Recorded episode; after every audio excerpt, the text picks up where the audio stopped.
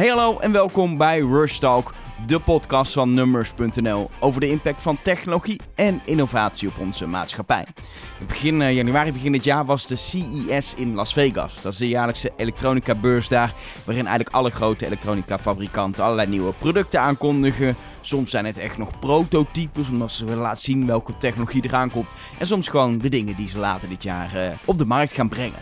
Eén ding viel dit jaar heel erg op. Overal doken de buigbare en oprolbare OLED-schermen op. Opvouwbare smartphones, oprolbare televisies. We hebben het allemaal gezien. Ja, en dan kan ik niet anders om daar een aflevering van Rush Talk over te maken natuurlijk. Ik ben daarvoor langs gegaan bij, uh, bij de redactie van tweakers.net. Hoofdredacteur Wout Funnekotter is namelijk op de CES in Las Vegas geweest om ook die producten in het echt te zien en zelfs aan te raken. En Arnoud Wokke is, uh, is redacteur bij Tweakers en gespecialiseerd in, uh, in smartphones, in mobiele telefoons. Dus die kan alles vertellen over die gebogen smartphones. Arnoud Wout, leuk dat ik bij jullie bij Tweakers langs mag komen. Ik zat, ik zat echt letterlijk te denken van wie moet ik hebben? Wie zijn er zeg maar nerd genoeg om heel diep over, over dit onderwerp te kunnen praten? En toen kwam ik eigenlijk tot de conclusie dat er maar één plek in Nederland is. En dat is de Tweakers-redactie. Dus uh, ik weet niet of dat een compliment voor jullie oh, is. Zeker. Of, uh, ja hoor, dat, dat wel, pak ja. meteen op als compliment. Mooi. Um, waar ik eigenlijk meteen de diepte uh, wil induiken, we gaan straks hebben over die, die telefoons en ook die op Robot TV van LG. Ik denk dat heel veel mensen hem gezien hebben in een filmpje of een plaatje, et cetera. Jij hebt het in het echt gezien, want jij bent op, ik heb op de... de Potels, zoals we het hier noemen. Ja, je bent, je bent op de CES geweest, Wout. Klopt. Um, maar eerst lijkt me leuk om, om meteen lekker diep in te gaan. De technologie in. Arnoud, kun je, kun je mij een beetje schetsen hoe überhaupt uh, uh, schermontwikkeling de afgelopen jaar is gegaan? Hoe, hoe heeft het zo ver kunnen komen dat schermen eindelijk buigbaar zijn? Want het was altijd het meest onmogelijke wat er ongeveer was volgens mij om een scherm buigbaar te maken. Nou, eigenlijk valt dat wel mee. OLED-schermen, uh, en de meeste buigbare schermen zijn OLED-schermen, volgens mij allemaal tot nu toe.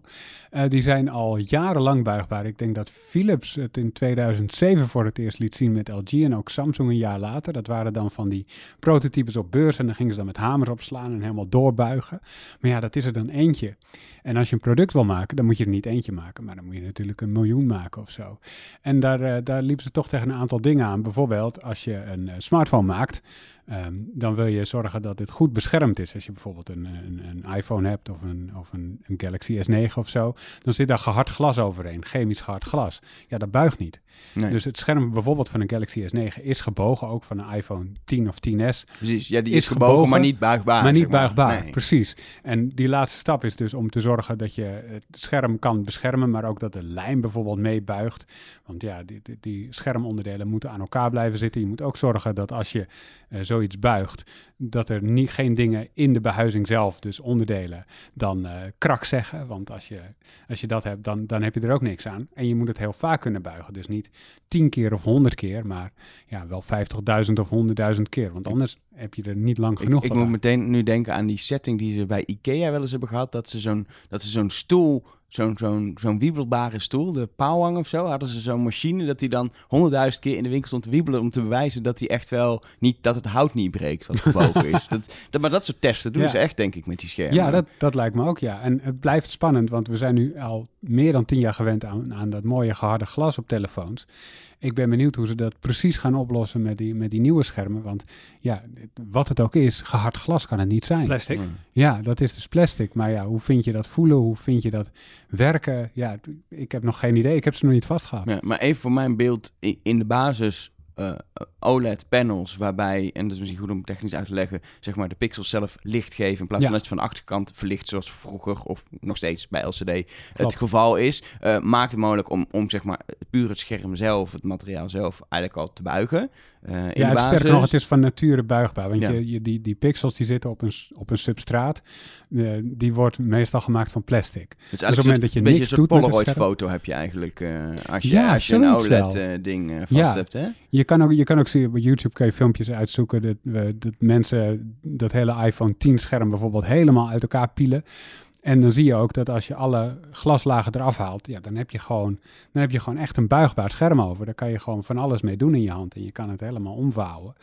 Um, en het is van zichzelf dus buigbaar. Alleen ja, het probleem is niet dat het scherm buigbaar moet zijn, maar dat alles wat er omheen zit buigbaar moet zijn. En dat is nog vrij lastig. Ja, maar het zeker als je, als je het hebt dan over, het over de glas en plastic en dat soort dingen, dan kom je eigenlijk bijna, het, veel, het heeft niet meer zoveel met die, met die techniek te maken. Het is chemie eigenlijk waar, waar, waar, de, waar de uitdaging zit. Het materiaal. ja.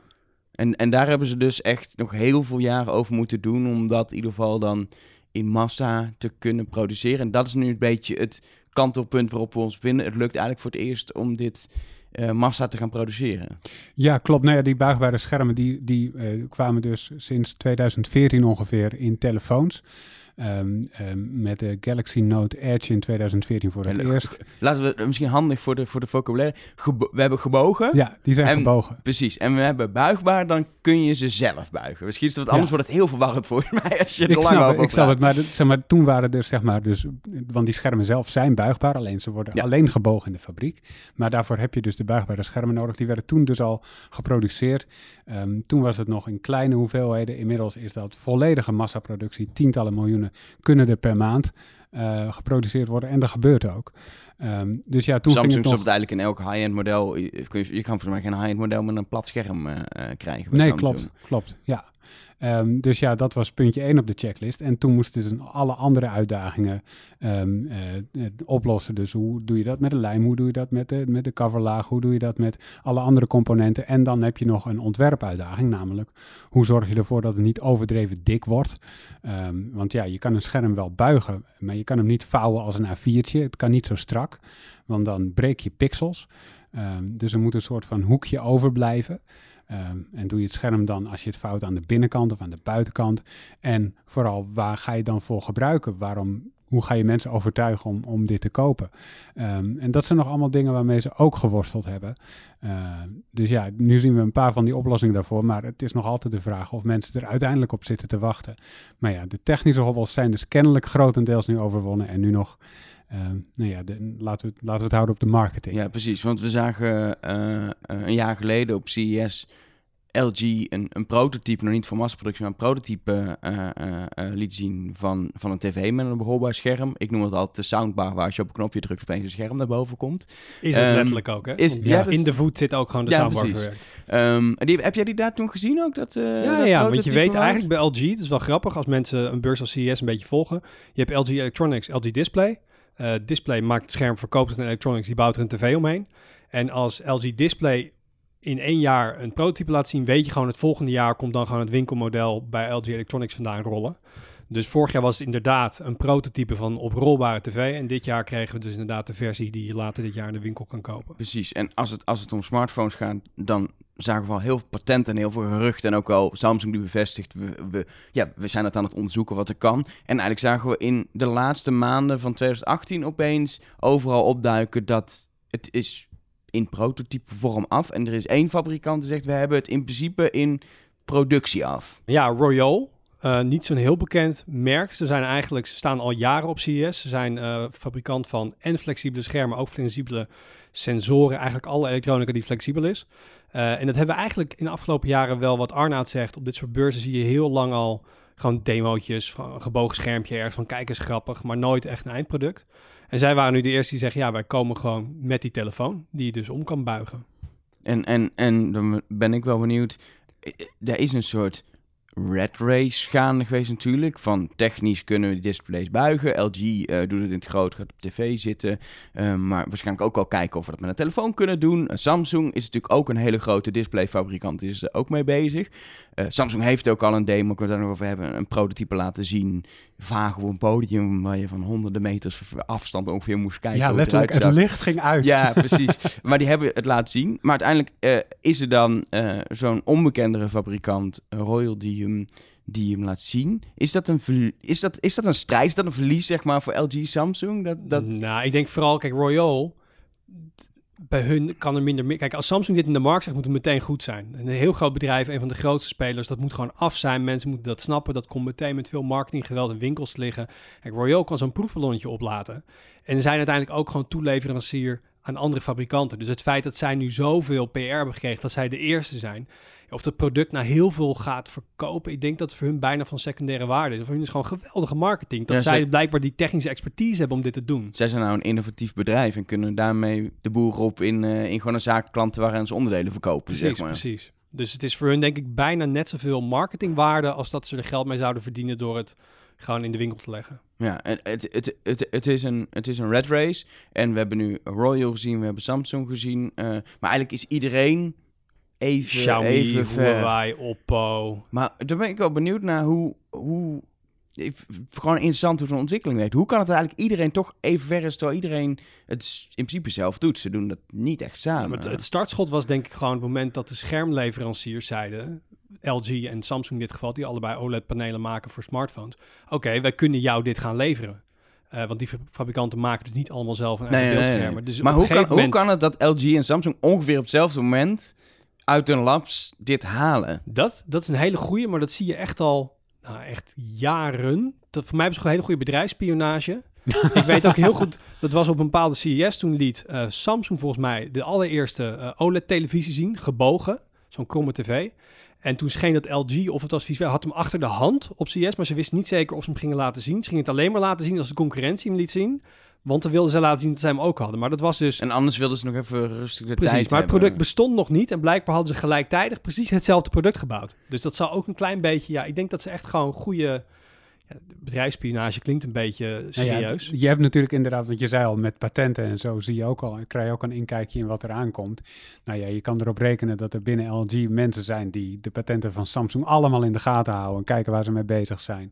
Natuurlijk, het zijn allebei, allebei Zuid-Koreaanse bedrijven, dus bedoel, die mensen die komen bij elkaar op verjaardag bij wijze van spreken. Dus dat helemaal afschermen en geheim houden is bijzonder lastig en er zijn er maar zo weinig. Ja. Je hebt LG en Samsung in Zuid-Korea en het- er is nu ook BOE in China. Die levert ook gebogen OLED-schermen, dus die kunnen ook buigbare schermen maken eventueel. Maar ja, die leunt dan e- enorm weer op, op hoe LG en Samsung eh, hun schermen ontwikkelen. En die hobbelen daar gewoon eventjes achteraan. En dan vinden ze het wel best. Ehm, dus ja, zo zie je toch dat als er één iemand begint, dat de rest dat heel snel ook heeft. En dan horen ze misschien ook van, van, van eh, fabrikanten aan wie ze leveren, van de Oppo's en de Xiaomi's, van hé, hey, maar jullie concurrent heeft binnenkort dit scherm klaar. Hebben jullie ook zoiets? En ja, dan kan dat een wake-up call zijn en dat ze dan denken, nou, dan moeten, Hier we er moeten wij ook iets mee, denken ze dan. Zo, Ja. Op het moment dat LG zegt, wij kunnen jou een buigbaar scherm leveren, weten ze bij Xiaomi, oké, alle klanten van LG gaan nu in de R&D labs, gaan nu hiermee spelen en kijken of ze hier een product van kunnen maken. Wij moeten dit ook doen, anders lopen we achter. Ja. Ma- maakt het dan nog, wat dat betreft, heel veel uit of het een groot of een klein scherm is bij zo's? Want ik heb altijd wel gehoord, eh, in het begin is natuurlijk een grotere OLED maken wordt steeds, steeds lastiger. Nou, inmiddels hebben we gezien dat dat wel lukt. LG Eh, kan het wel inderdaad. Ja, ja. eh, maar nu zie je dat ze ook bij oprolbaar is LG meteen, we doen het groot. En Samsung tot nu toe, we doen het in smartphone, we doen het klein. Ja, maar Nee. dat is al jaren, zeg maar, hoe eh, Samsung die heeft de OLED-productie voor tv's al heel lang geleden losgelaten. Ze hebben gewoon, ze kwamen daar, als ik het wel heb, niet helemaal uit hoe ze dat goed in massa konden produceren en dan tegen redelijke prijzen verkopen. Iets wat met smartphones wel gelukt is. LG die had het precies omgekeerd. Op tv's hadden ze die techniek wel goed ontwikkeld en zijn ze nu dus de primaire leverancier voor bijna alle OLED-tv's Alle. OLED-tv's Alle. OLED-tv's die er zijn. Ehm, en, eh, en op smartphones zijn het nauwelijks LG's. En het is logisch dat ook bij oprolbaar en buigbaar, of hoe je het ook wil noemen, dat ook weer we zien LG op groot in instantie, Samsung op klein. Dat Ja. is gewoon hoe, ja. hoe het een beetje Ja, ontstaan is. Precies, want al die mensen daar die hebben heel veel ervaring met het maken van tv-schermen bij LG. Dus ja, als het dan buigbaar wordt, dan is het logisch dat ze in die trant gaan Dan ontwikkelen. moet ik zeggen dat ze bij LG wel makkelijker hebben hoor. Als je kijkt naar zo'n buigbare smartphone.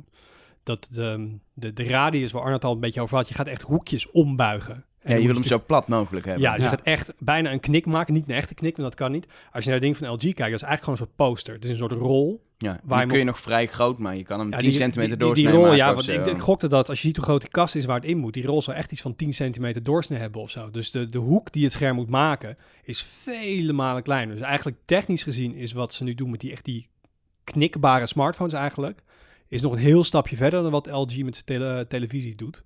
Eh, in beide gevallen geldt, ehm, als ook maar één pixeltje stuk gaat, of twee, of tien, je gaat het meteen zien. Ja. Dus het, het, het makkelijk is het maken. Maar inderdaad, dat zei ze bij Royal ook, we hebben allemaal tests. Dat ding moet 200.000 keer gebogen kunnen worden zonder dat er wat misgaat. Het mo- moet duurzaam zijn, dat is gewoon het ding. Ja, het moet ook echt meegaan. Het is niet een of andere tech-demo. Ook na twee jaar moet jij nog lekker kunnen buigen elke dag zonder dat je je schermgekke dingen gaat vertonen. Ja. eh, Als eerste die tv, heb jij hem ook zelf echt in het echt gezien? Of Ja. jouw collega? Jij, jij bent zelf ja, ja. ook bij LG langs geweest. Hoe, hoe, hoe, hoe is dit? Want als ik, ik zie dat ding en ik denk, ah, ik denk, zo vaak kijk ik ook geen tv en ik heb prima tv. Aan de andere kant denk ik, ja, als ik toch een ultiem huis zou kunnen hebben. Het, het is het wel het is super echt, eh, futuristisch. ja. Het is echt futuristisch. Je hebt die kast staan, dus je ziet voor je een hele grote soundbar. En er zit een klein ehm, eh, schuifje aan de achterkant. Die schuift naar achter. Er komt er een, een gleuf, een opening. En daar komt dan serieus gewoon als een soort schaarliftje... komt die tv eruit naar boven. En ik denk dat voor normale maten... Het is eigenlijk, er zit een soort rolluik achter, hè? Aan de achterkant is het gewoon allemaal Het, het, het, het is echt een eh, schaarliftje. Dus eigenlijk net zo, zo'n hoogwerker zie je het voor je... waar je inderdaad met zo'n schaarconstructie die omhoog oh, naar ja, ja, beneden ja, kan. Dat hebben ze aan beide kanten aan de achterkant zitten.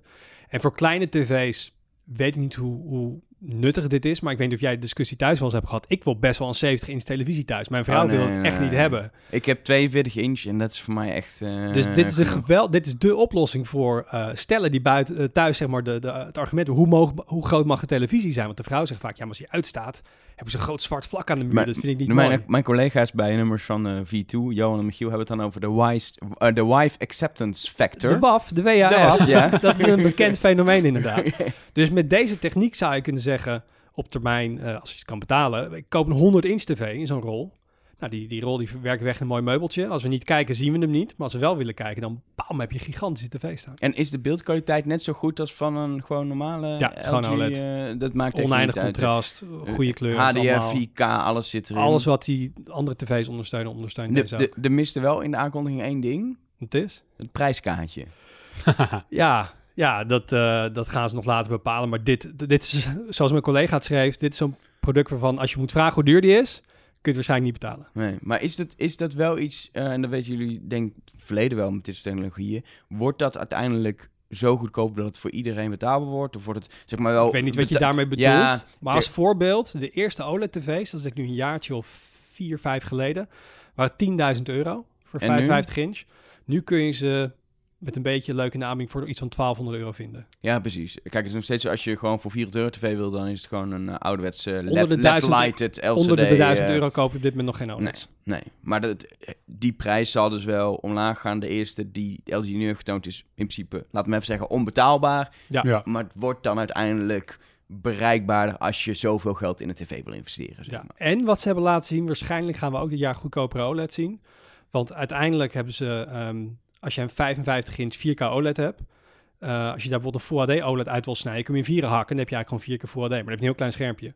Dus ze hebben nu een 88 inch 4K OLED laten zien. Of nee, sorry, 8K. 88 inch 8K. Waar je eigenlijk Twee- vier ja. 44 inches uit kan halen. Oh, ja, ja, ja. En die zou dan weer goedkoper kunnen zijn uiteindelijk. Maar dat is even Ja, wachten. precies. Ja, dan, maar die zijn niet buigbaar. Dus dat, is, niet- Dat is gewoon heel ja, saai, Heel ouderwets, plat, ja. Precies. En, en, en, en dan eh, eh, die, eh, die telefoon, eh, Ja. die, die, die, die Royal. Het is een soort, het is te koop, maar het is wel een soort ontwikkelaarstelefoon, toch? Het is een beetje bedoeld voor, eh, voor mensen die er echt mee aan de slag willen. Ja, je kan online bij ze bestellen. Volgens mij in China is het echt een consumentending. Oh, in de rest ja. van de wereld eh, ja, noemen ze het een developer version. Ehm, en voor de mensen die het niet gezien hebben, het is dus eigenlijk gewoon een... Ze noemen het eigenlijk ook niet echt een telefoon, het is een telefoon en een tablet. Dus eigenlijk als je hem plat maakt, heb je een 8-inch tablet. En zie gewoon voor je dat je hem in het midden kan buigen. Dus je klapt hem dubbel. Eh, en dan hou je dus twee keer, eh nou, 4 inch diagonaal over. Uh, terwijl iets meer is wel wat bulkier ook dan dat. Maar dan kan je hem tegen je oor houden als je zou willen. En je kan ermee bellen. Maar je, je, hebt hem, je hebt hem vast gehad. eh, je hebt een, een video review of preview gemaakt voor Tweakers ook. Eh, ehm, ja, dan zie ik wel dat hij vrij eh, clunky is, zeg maar. ja, Eh, maar dit is echt zo'n...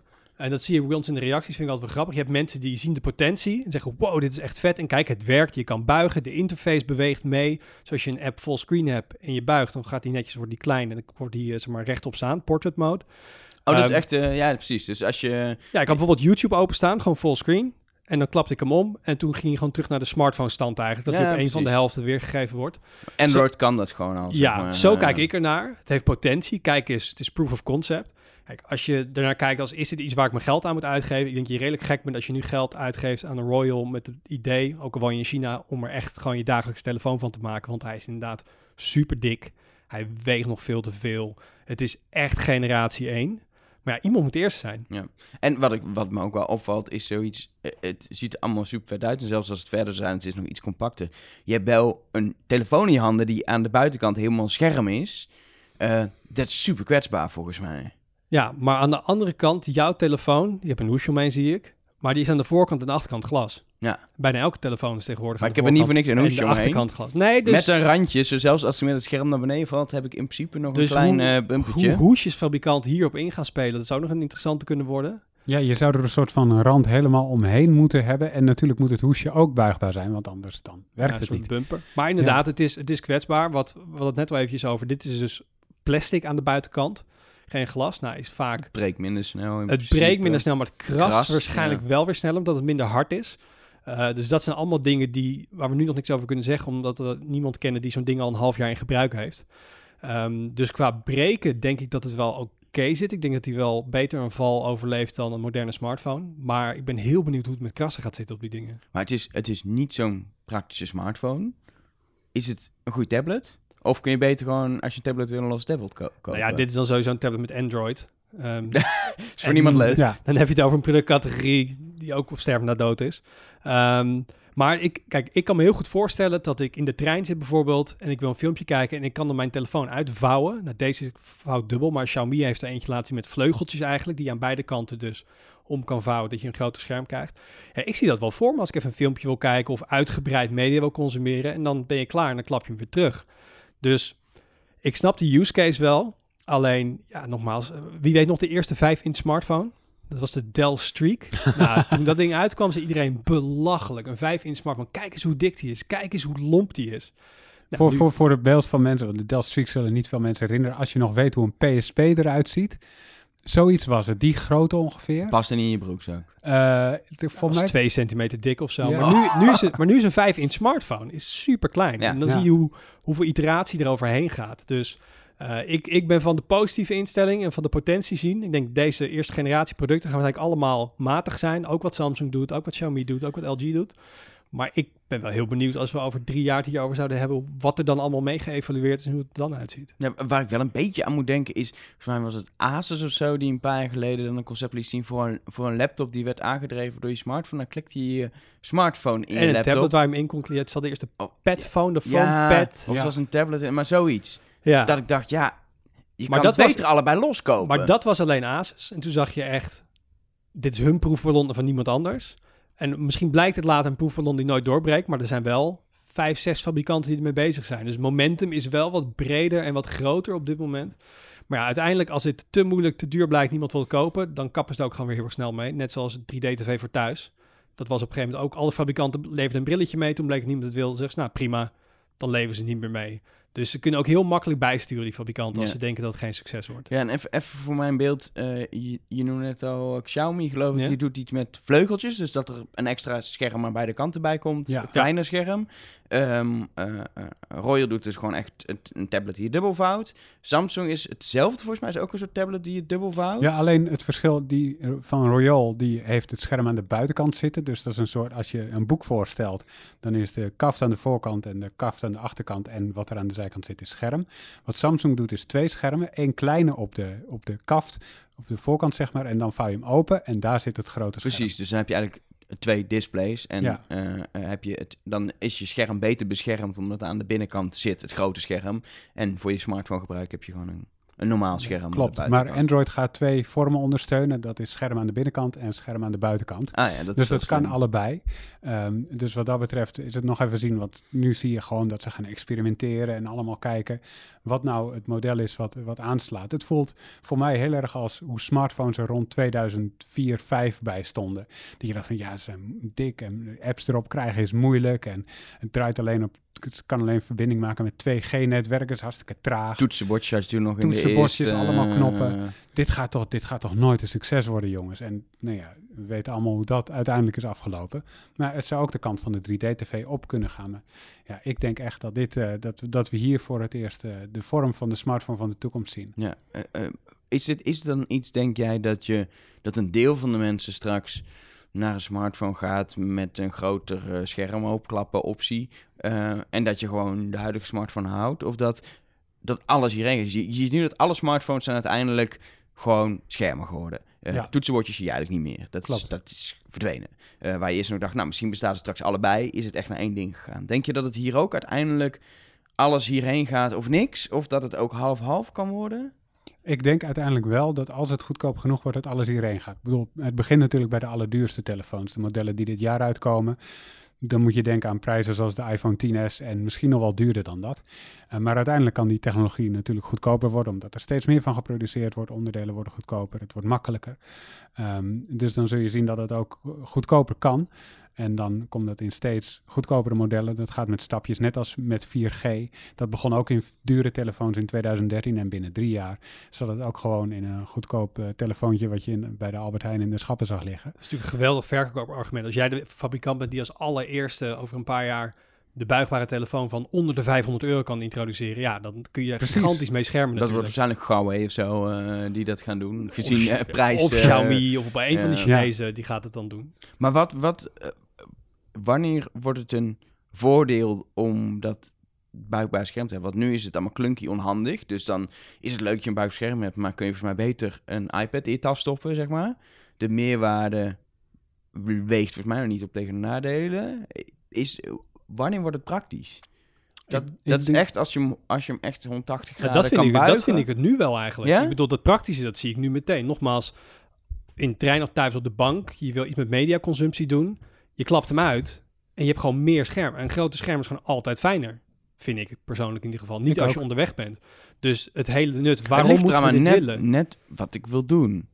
Inderdaad, ik moet wel echt zitten en met twee handen gaan doen of hem neerzetten om iets te kijken. Dan ja, is het handig. in de trein, in de bank, vliegtuig, dat soort dingen. Dus dat kunnen doen, dat, dat wil ik nu al. Uh, wanneer is het uh, kantelpunt daar? Ja, als ergonomisch de nadelen Precies, dat bedoel ik. Geminimaliseerd worden. Ja, en dan zit je met hoe dik mag een telefoon zijn. Nou, vroeger waren telefoons 10, 12 mm dik. En dat vonden mensen toen prima. Nu zitten meer rond de 7 of 6.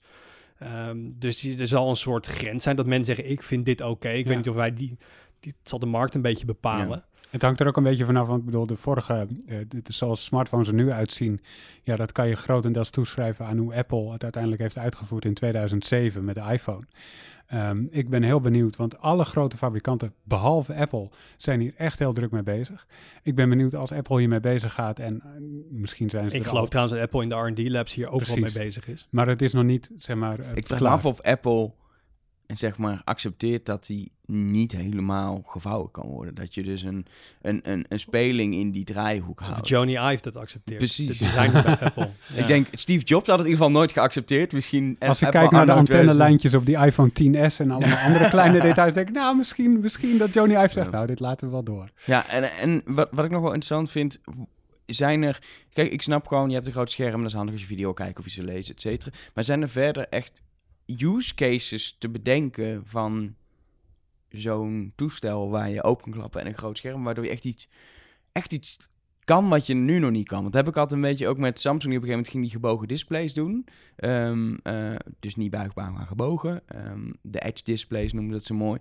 Het ziet er vet uit. Het, het design van de telefoon wordt heel strak van, maar ik heb nooit iemand iets nuttigs zien doen met het feit. Ja, er was een idee dat als je hem op zijn kop legde, dat je dan een notificatie kon zien. Maar ik geloof niet dat mensen het gebruiken. Ja. Uh, volgens mij is het zelfs inmiddels eruit gehaald in het verzuuringssysteem. Maar dat weet Arno beter of, dan of, of, het is in elk geval een beetje weggestopt. Weggestopt. Het uh, is niet meer dus dat ze zeggen, je moet dit kopen, want we hebben zo'n fantastische precies. software. Maar daar is het uiteindelijk echt een... Het is een design language geworden, die ja. heel mooi is, maar die niet... Waar geen, het heeft geen functioneel nut. Precies. En hier kan ik functioneel nog wel uh, voorstellen dat je een groot scherm hebt.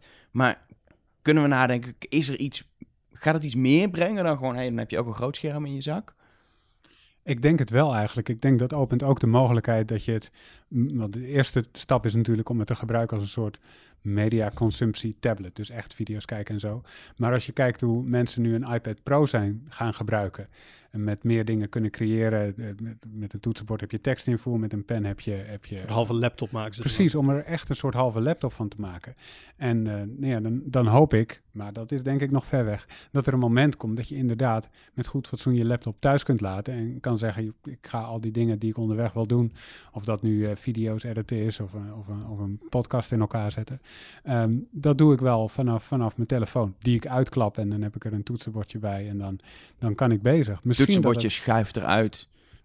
Toetsenbordje Ergens, wordt geprojecteerd op een plat oppervlak. Kan ook nog. Met een cameraatje en die herkent dan je vingers. En via, Bestaat via, ook al. Via ja. soundwaves krijg je trillingen van het toetsen, zodat het wel voelt als een toets.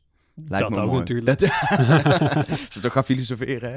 Maar eh, d- nu hebben we het over eh, toch eh, een smartphone die in een tablet verandert. We hebben het over tv's. Allemaal hele bekende producten, wat heel logisch is. Maar deze techniek, weet je, schermen zijn overal tegenwoordig. Zijn er hele andere toepassingen te bedenken? Ja, die zijn er. Maar ook waar, waar ze nu mee bezig zijn dan de grote consumentenvoorbeelden die we nu zien. Want het zijn gewoon de logische massa-voorbeelden. Maar gaat het... Het kan hele nieuwe productcategorieën opleveren. Ik heb geen idee. Dat is moeilijk altijd. Hè? Ja. Moeten we nu gaan nadenken over iets wat we nog niet kennen en wat nog niet bestaat. Ik zie Arnoud kijken alsof hij een idee heeft. Nou ja, dat, dat iets wat Riool doet tot nu toe, behalve die telefoon maken, is overal schermen opplakken. Ehm, dus dan hebben ze volgens mij rugtassen met schermen en ehm, Oeh, ze lieten, speak- ha- ze lieten handtasjes zien met schermen erop die dan helemaal rondom gingen. Ah, precies. Ja, ja ik zie... speakers met schermen. Ik heb heel veel van die Kickstarter-projecten ook gezien, eh, waar je inderdaad eh, eh, via e-ink ook dingen op je, op je rugtas kon laten zien. Maar de, Ja, maar je kan, leuke gimmick, zeg maar. maar wat, wat. Arnoud zegt, je kan op elk... Normaal heb je nu voor een scherm een plat oppervlak nodig. En je kan in principe op elk oppervlak, en ook als het niet helemaal rigide is, kun je gewoon een scherm kwijt. Dus ik denk vooral dat, dat we op, weet ik veel, op je backpack, op je, je sporttas, op je, je kleding, op... Weet je, het maakt nu eigenlijk niet meer heel uit wat de ondergrond is. Je Ja. kan overal een scherm op kwijt als Maar ook-. Gek idee, geen idee of het nuttig is. Een oprolbare laptop, dat je niet meer dubbel klapt, maar dat je een Ja, rolletje waar, waar je dan in bij een posterkoker Want wat je bij die. Royal nu gewoon hebt, dat merk je wel. Eh, het heeft twee helften, het klapt dicht. Ja. En de elektronica aan de binnenkant zit gewoon nog een printplaat in, waar de processor op zit, het geheugen. Ja. Dat is allemaal gewoon nog rigide. Eh, de accu buigt ook niet, moet je ook niet willen. Eh, al bestaat het wel, technisch, en je hebt al een beetje buigbare accu's, maar dat... Dat dat- zijn vaak hele kleine accumodules die allemaal in elkaar zitten en dan... Precies. kunnen dus buigen. eh, als je echt een heel apparaat wil kunnen buigen op die manier, ja, dan moet je alle componenten aan de binnenkant. Dan heb je het over buigbare processors en chips en zo. Dan is het buigen van een scherm denk ik tien keer makkelijker om te maken, technisch gezien, dan al die componenten buigbaar maken. Dus dat eh, is misschien nog een beetje een bridge too far. Dus dat, eh, dat, dat gaat voorlopig niet gebeuren. Het voelt zo futuristisch. Het is ook niet nuttig volgens mij. Maar gewoon dat je je laptop in een, eh, in een posterkoker kan stoppen. En dan eh onder je arm mee. Dat je een heel groot scherm op die manier mee kan nemen. Nou, normaal als je de radius weer groot genoeg maakt, misschien kom je een eindje. Of ja, misschien is zoiets, een heel klein kastje ernaast die je dan toch even moet inpluggen, zoiets. Maar ja, de of echt, echt een oprolbare telefoon, dat je gewoon zo een rolletje maakt en dan in je broekzak. Ja, maar dat is weer lastig, want dat is het punt. Daarom is het zo, zo slim van Samsung om die, het scherm dan aan de binnenkant te doen, maar aan de buitenkant ook scherm. Je wil gewoon je telefoon heel snel uit je zak kunnen pakken en iets Ja. kunnen doen. En als je gaat rollen en zo, of je buigt aan de binnenkant, dan, dan is dat hele gemak is weg. En dat is natuurlijk wel, waarom hebben we volgens mij geen openklap- en schuiftelefoons op dit moment eigenlijk meer? Omdat we gewoon dat ding uit onze zak willen pakken en meteen scherm aan en gaan. Ja, Dat is natuurlijk gewoon het gemak van het huidige model telefoon. Nee, dat is waar. Maar ja, dan zit je op de vraag welke apparaten we over 10 of 20 jaar hebben. En als je 20 jaar geleden had gevraagd van welke apparaten hebben we over 20 jaar, dan had je ook hele foute antwoorden gekregen. Misschien hadden, mensen dan nagedacht over desktops en daar dan iets mee doen waardoor het futuristisch oog. als je verder teruggaat, zeiden mensen, waarom zou je in vredesnaam een desktopcomputer in je huis willen hebben? Ja, Het is cliché als je mensen vroeger had gevraagd wat ze hadden gewild eh, voordat de auto er was, dan was het een snelle paard en wagen, geloof Precies. ik. En ja, die anekdote ken ik ook precies. van, ja. Uiteindelijk krijg je gelukkig een auto. eh, dus dat is inderdaad in de toekomst kijken. Dus dat is gewoon, eh, dat is gewoon afwachten nog. Maar ik vind het wel heel interessant om erover na te denken wat het dan, eh, wat het dan kan gaan. Sowieso eh, wordt kan worden. 2019 het jaar waarin we heel veel van dit soort dingen gaan zien. En heel veel dingen waarvan je beredeneert, dit is niet handig. Ja, we dit gaan wordt het falende niet. projecten, proefballonnetjes, vallen en opstaan. Maar ik ben al lang blij. Er, gebe- er gebeurt echt iets nieuws. Precies, en deze technologie gaat een rol krijgen in de apparaten voor de komende decennia misschien wel. Alleen de vraag is inderdaad wat wel en wat niet. En het kan best zijn dat uiteindelijk inderdaad eh oprolbare tv's helemaal niet zo groot worden... of eh, de smartphone het ook niet meer, dat het iets anders wordt. Precies. ja, Gelukkig houden jullie het in de gaten, toch? absoluut. Elke dag. Elke dag. Be- bedankt voor alle toelichting. Ik vond het echt leuk om met jullie over te praten. Als mensen nou eh, eh, het echt niet mee eens waren of een hele goede vragen hebben of et cetera. eh, jullie zitten allebei nog steeds gewoon ouderwets op Twitter, toch? Tuurlijk. Hoe heet jij daar, Wout? Ik ben Wout F. aan elkaar. En Ik jij? ben Arnoud Wokke ook aan elkaar. Nou, ik ben Ed Elger. Je mag me ook altijd een berichtje sturen. Je mag ook altijd een berichtje sturen eh, naar de redactie van Nummers via Nummers of eh, via facebook.com slash nummers. Dat was Your Stalk voor deze week. Eh vond je het een leuke aflevering? Deel hem vooral. Geef even een review in de podcast app van Apple. En eh over twee weken een Your Stalk. Tot dan.